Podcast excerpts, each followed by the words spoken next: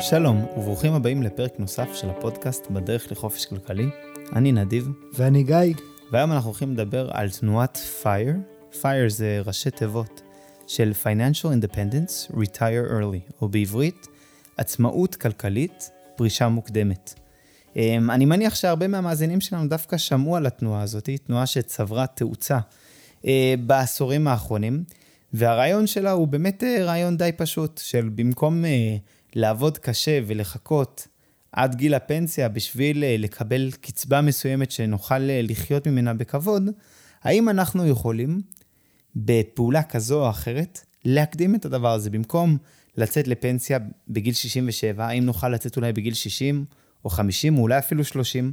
זה בעצם היסוד של המחשבה שיושבת בפייר, שאנחנו רוצים להגיע לעצמאות הכלכלית בו אנחנו יכולים ליהנות ולחיות מהתזרים, מהפירות של ההשקעות שלנו, בגיל כמה שיותר מוקדם, ולא להצטרך להסתמך על משכורת של מעסיק, ותמיד הדימוי של פייר זה איזשהו מישהו בן 30 על איזה חוף ים בגואה. זה קצת הדימוי שיש בעולם הזה של, אה, של פייר, והפרק הזה בפודקאסט אה, הולך אה, לעסוק קצת במושג הזה של, של פייר, של פרישה מוקדמת, של עצמאות כלכלית. אנחנו הולכים קצת להשוות בין עצמאות כלכלית לחופש כלכלי. אנחנו לא חושבים שזה בדיוק אותו דבר. גיא, אתה רוצה להוסיף משהו לפני שממש ניכנס לתוך המספרים? כן, אני אני, אני הייתי דווקא מתחיל מההתחלה, או מתחיל מהיסוד, עוד לפני שניכנס למספרים. אה, והייתי אומר שבעיניי, עצם ההסתכלות הזאת על, על עבודה כאיזושהי מטלה לא נעימה, מעצבנת, שאנחנו רוצים אה, לסיים איתה כמה שיותר מהר, אה, זו הסתכלות שהיא קצת, קצת עצובה בעיניי. היא עצובה בעיניי כי... כי לא יודע, כי, כי יש, יש, לנו הרבה מה לעשות, יש לנו הרבה מה לתת בתור בני אדם, ו, ויש הרבה עבודות שיכולות להיות מהנות ומספקות, ואומנם אני ככה מסגיר את הדעה שלי כבר מההתחלה אולי על, על פייר ברמה מסוימת, אבל... כן, uh, הרעיון של אה, לעבוד במשהו שאתה לא אוהב, ורק לחכות לסוף שבוע, רק לחכות לחופשה בסוף השנה, רק לחכות לפרישה, יש בו, אני חושב שהרבה מאוד אנשים חיים ככה, ויש בזה משהו עצוב. אני חושב שהדור שלנו הוא דווקא דור שבניגוד לדור שהמציא את השיטה הזאת של הפייר, שזה נראה לי הדור לפנינו, אני חושב שהדור שלנו, וביתר שאת הדור המילניום, הם מבינים שזה לא בדיוק החיים שהם רוצים אה, לחיות אותם, כי הם רוצים ליהנות ולהגשים את השאיפות, את החלומות שלהם, את ההנאות שלהם, כבר עכשיו, ולא, ולא אה, לדחות אותם עד בלי סוף. זה גם נוצר בעקבות שינוי מנטלי אה, שיש, שזה באמת דור כבר אחר, אני חושב שזה גם נוצר בעקבות כך שההגעה לעצמאות כלכלית היא הרבה הרבה יותר מסובכת כיום, בטח במדינת ישראל שהיא מדינה מאוד מאוד יקרה, עם המון המון הוצאות והכנסות לא גבוהות במיוחד, שכל החזון הזה של פייר, אם פעם אנשים דיברו על זה שאולי אפשר להגיע לזה בגיל 40, אנחנו עוד מעט נצלול למספרים ונראה שבישראל זה משהו שלוקח הרבה מאוד זמן להגיע אליו, ואז נשאל את עצמנו באמת האם, האם זה שווה את זה. כן, עכשיו אם, אם באמת הייתי יודע שבשנה, שנתיים של עבודה מאוד קשה, זהו, הבטחתי את העתיד, את העתיד הכלכלי שלי, על הכיפאק. רק בואו בוא באמת אולי נתחיל ונסתכל בדוגמה ריאלית, מה כן. נדרש כדי להגיע לאותה עצמאות כלכלית מיוחלת. כן. אז באמת לפני, לפני הקלטת הפרק, גיא ואני ישבנו ודיברנו על מי, מי המשפחה הישראלית הממוצעת, ומי הם האנשים גם הממוצעים שאולי מקשיבים לפודקאסט הזה. והחלטנו ללכת על אה, משפחת ישראלי, בסדר? זו משפחה שאנחנו המצאנו אותה כמובן. ישראל וישראל הישראלי. ישראל וישראל הישראלי, נכון. והם זוג שמרוויחים יחד בנטו, בסדר? בנטו אנחנו כבר מוצאים את המיסים, מרוויחים 17,000 שקלים בחודש. יש להם הוצאות קבועות של 12,000 שקלים.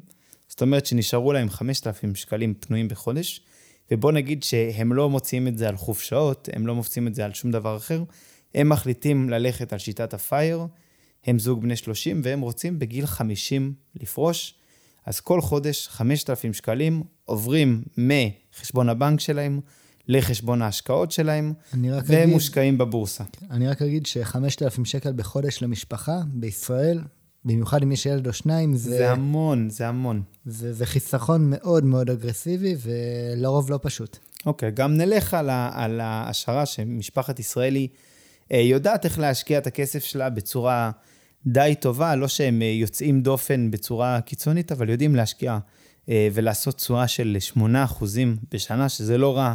ואני כבר אומר, אחרי שכבר הכנסנו פנימה את האלמנט של 2-3 אחוזים של אינפלציה, הם מגיעים ל-8 אחוזי תשואה בשנה. בישראל מס רווחי הון הוא 25 אחוזים, זאת אומרת שאחרי המיסוי הם נשארים עם תשואה נקייה של 6 אחוזים בשנה.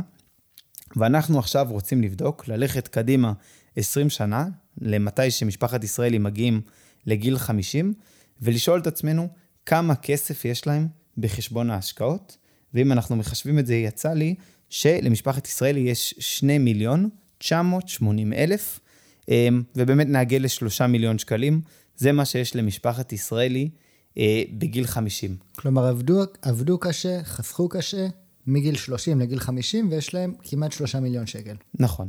עכשיו, 3 מיליון שקלים, אנחנו נשתמש ב, בכלל מספר, אה, בכלל 3 אחוזים, מה שנקרא.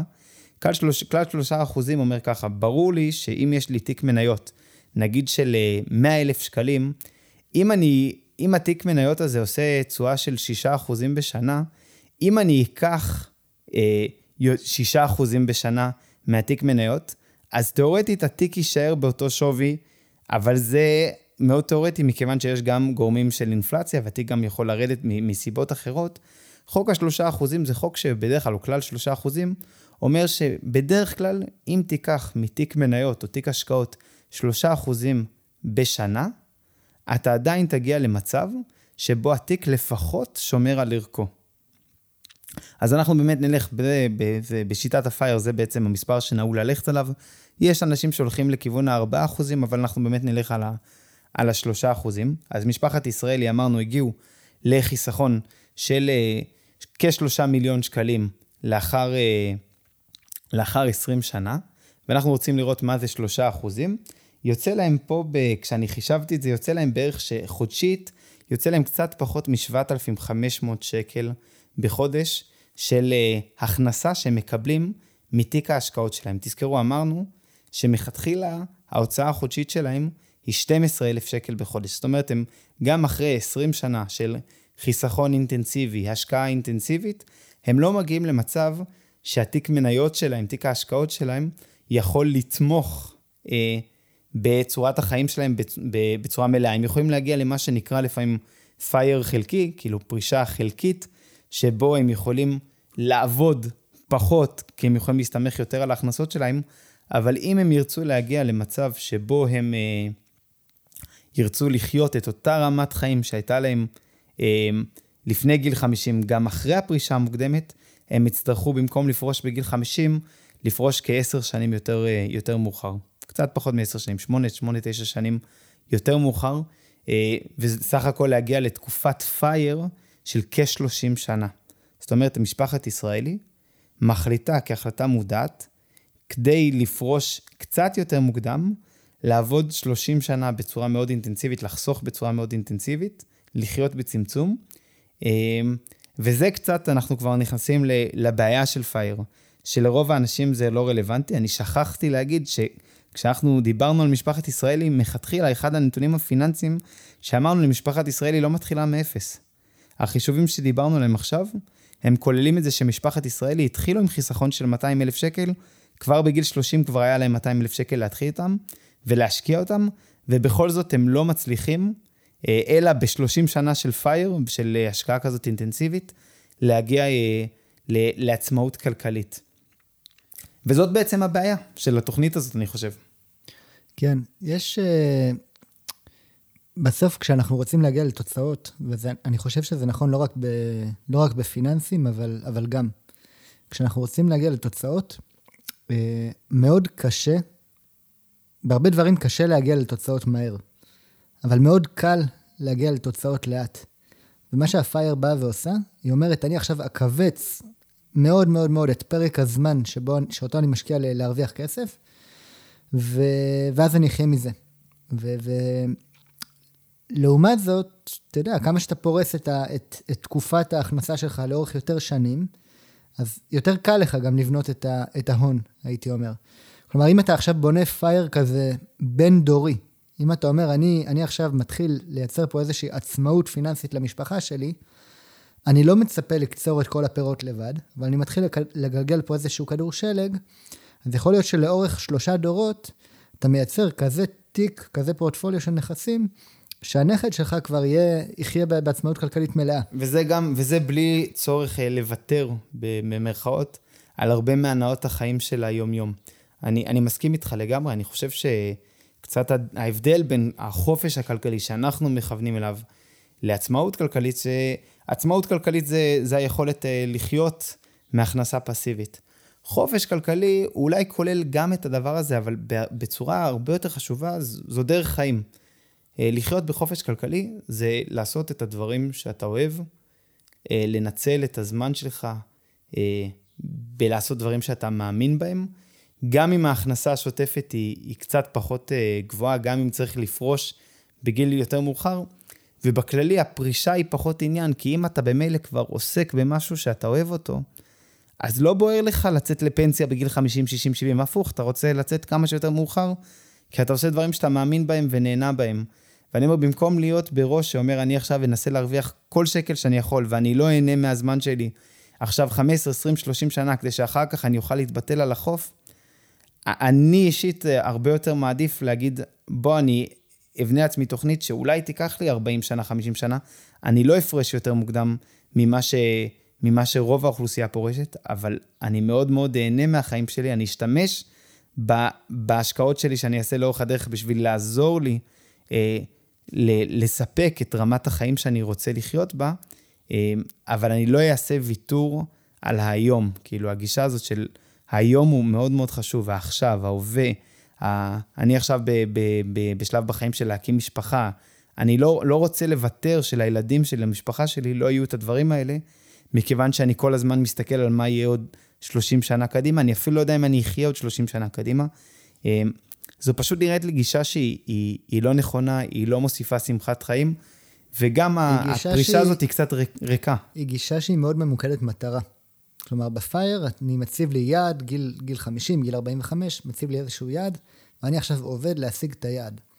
אה, ואני חושב שלתפיסתי וגם לתפיסתך, חופש כלכלי הוא, הוא לא באמת יעד להשיג אותו, הוא דרך. המטרה היא החיים ש... עצמם. זהו, הוא דרך וחלק מרכזי מהחופש הכלכלי, הכלכלי זה כן, יהיה לי את החופש מללכת כל יום לעבודה כמו עבד. כלומר, אני לא אהיה חייב להיות בתוך איזה מסגרת כזאת. אני אוכל, אם אני רוצה עכשיו לקחת חופש של חצי שנה, של שנה, יהיה לי את הגב הכלכלי לזה. יהיה לי את הגב הכלכלי לפרוש מעבודה שאני לא אוהב, ומתישהו לחפש עבודה אחרת. אבל בסוף, בתור בני אדם, אני חושב גם שאנחנו רוצים להרגיש פרודוקטיביים, ואנחנו רוצים לעשות דברים שיש להם ערך. וכשאתה עושה ערך, כשאתה עושה דברים שיש להם ערך בחברה שהיא, שהיא, שהיא קפיטליסטית, המנגנון הכלכלי שלה הוא כזה, אתה גם מקבל תמורה. ו, ובסוף החופש הכלכלי הוא לבחור איפה אני עובד ומתי אני עובד, בעיניי הרבה יותר מאשר החופש מעבודה באופן כללי. נכון, נכון. טוב, אז באמת אה, רצינו קצת לדבר על הנושא הזה. תודה שהייתם איתנו. ביי להתראות.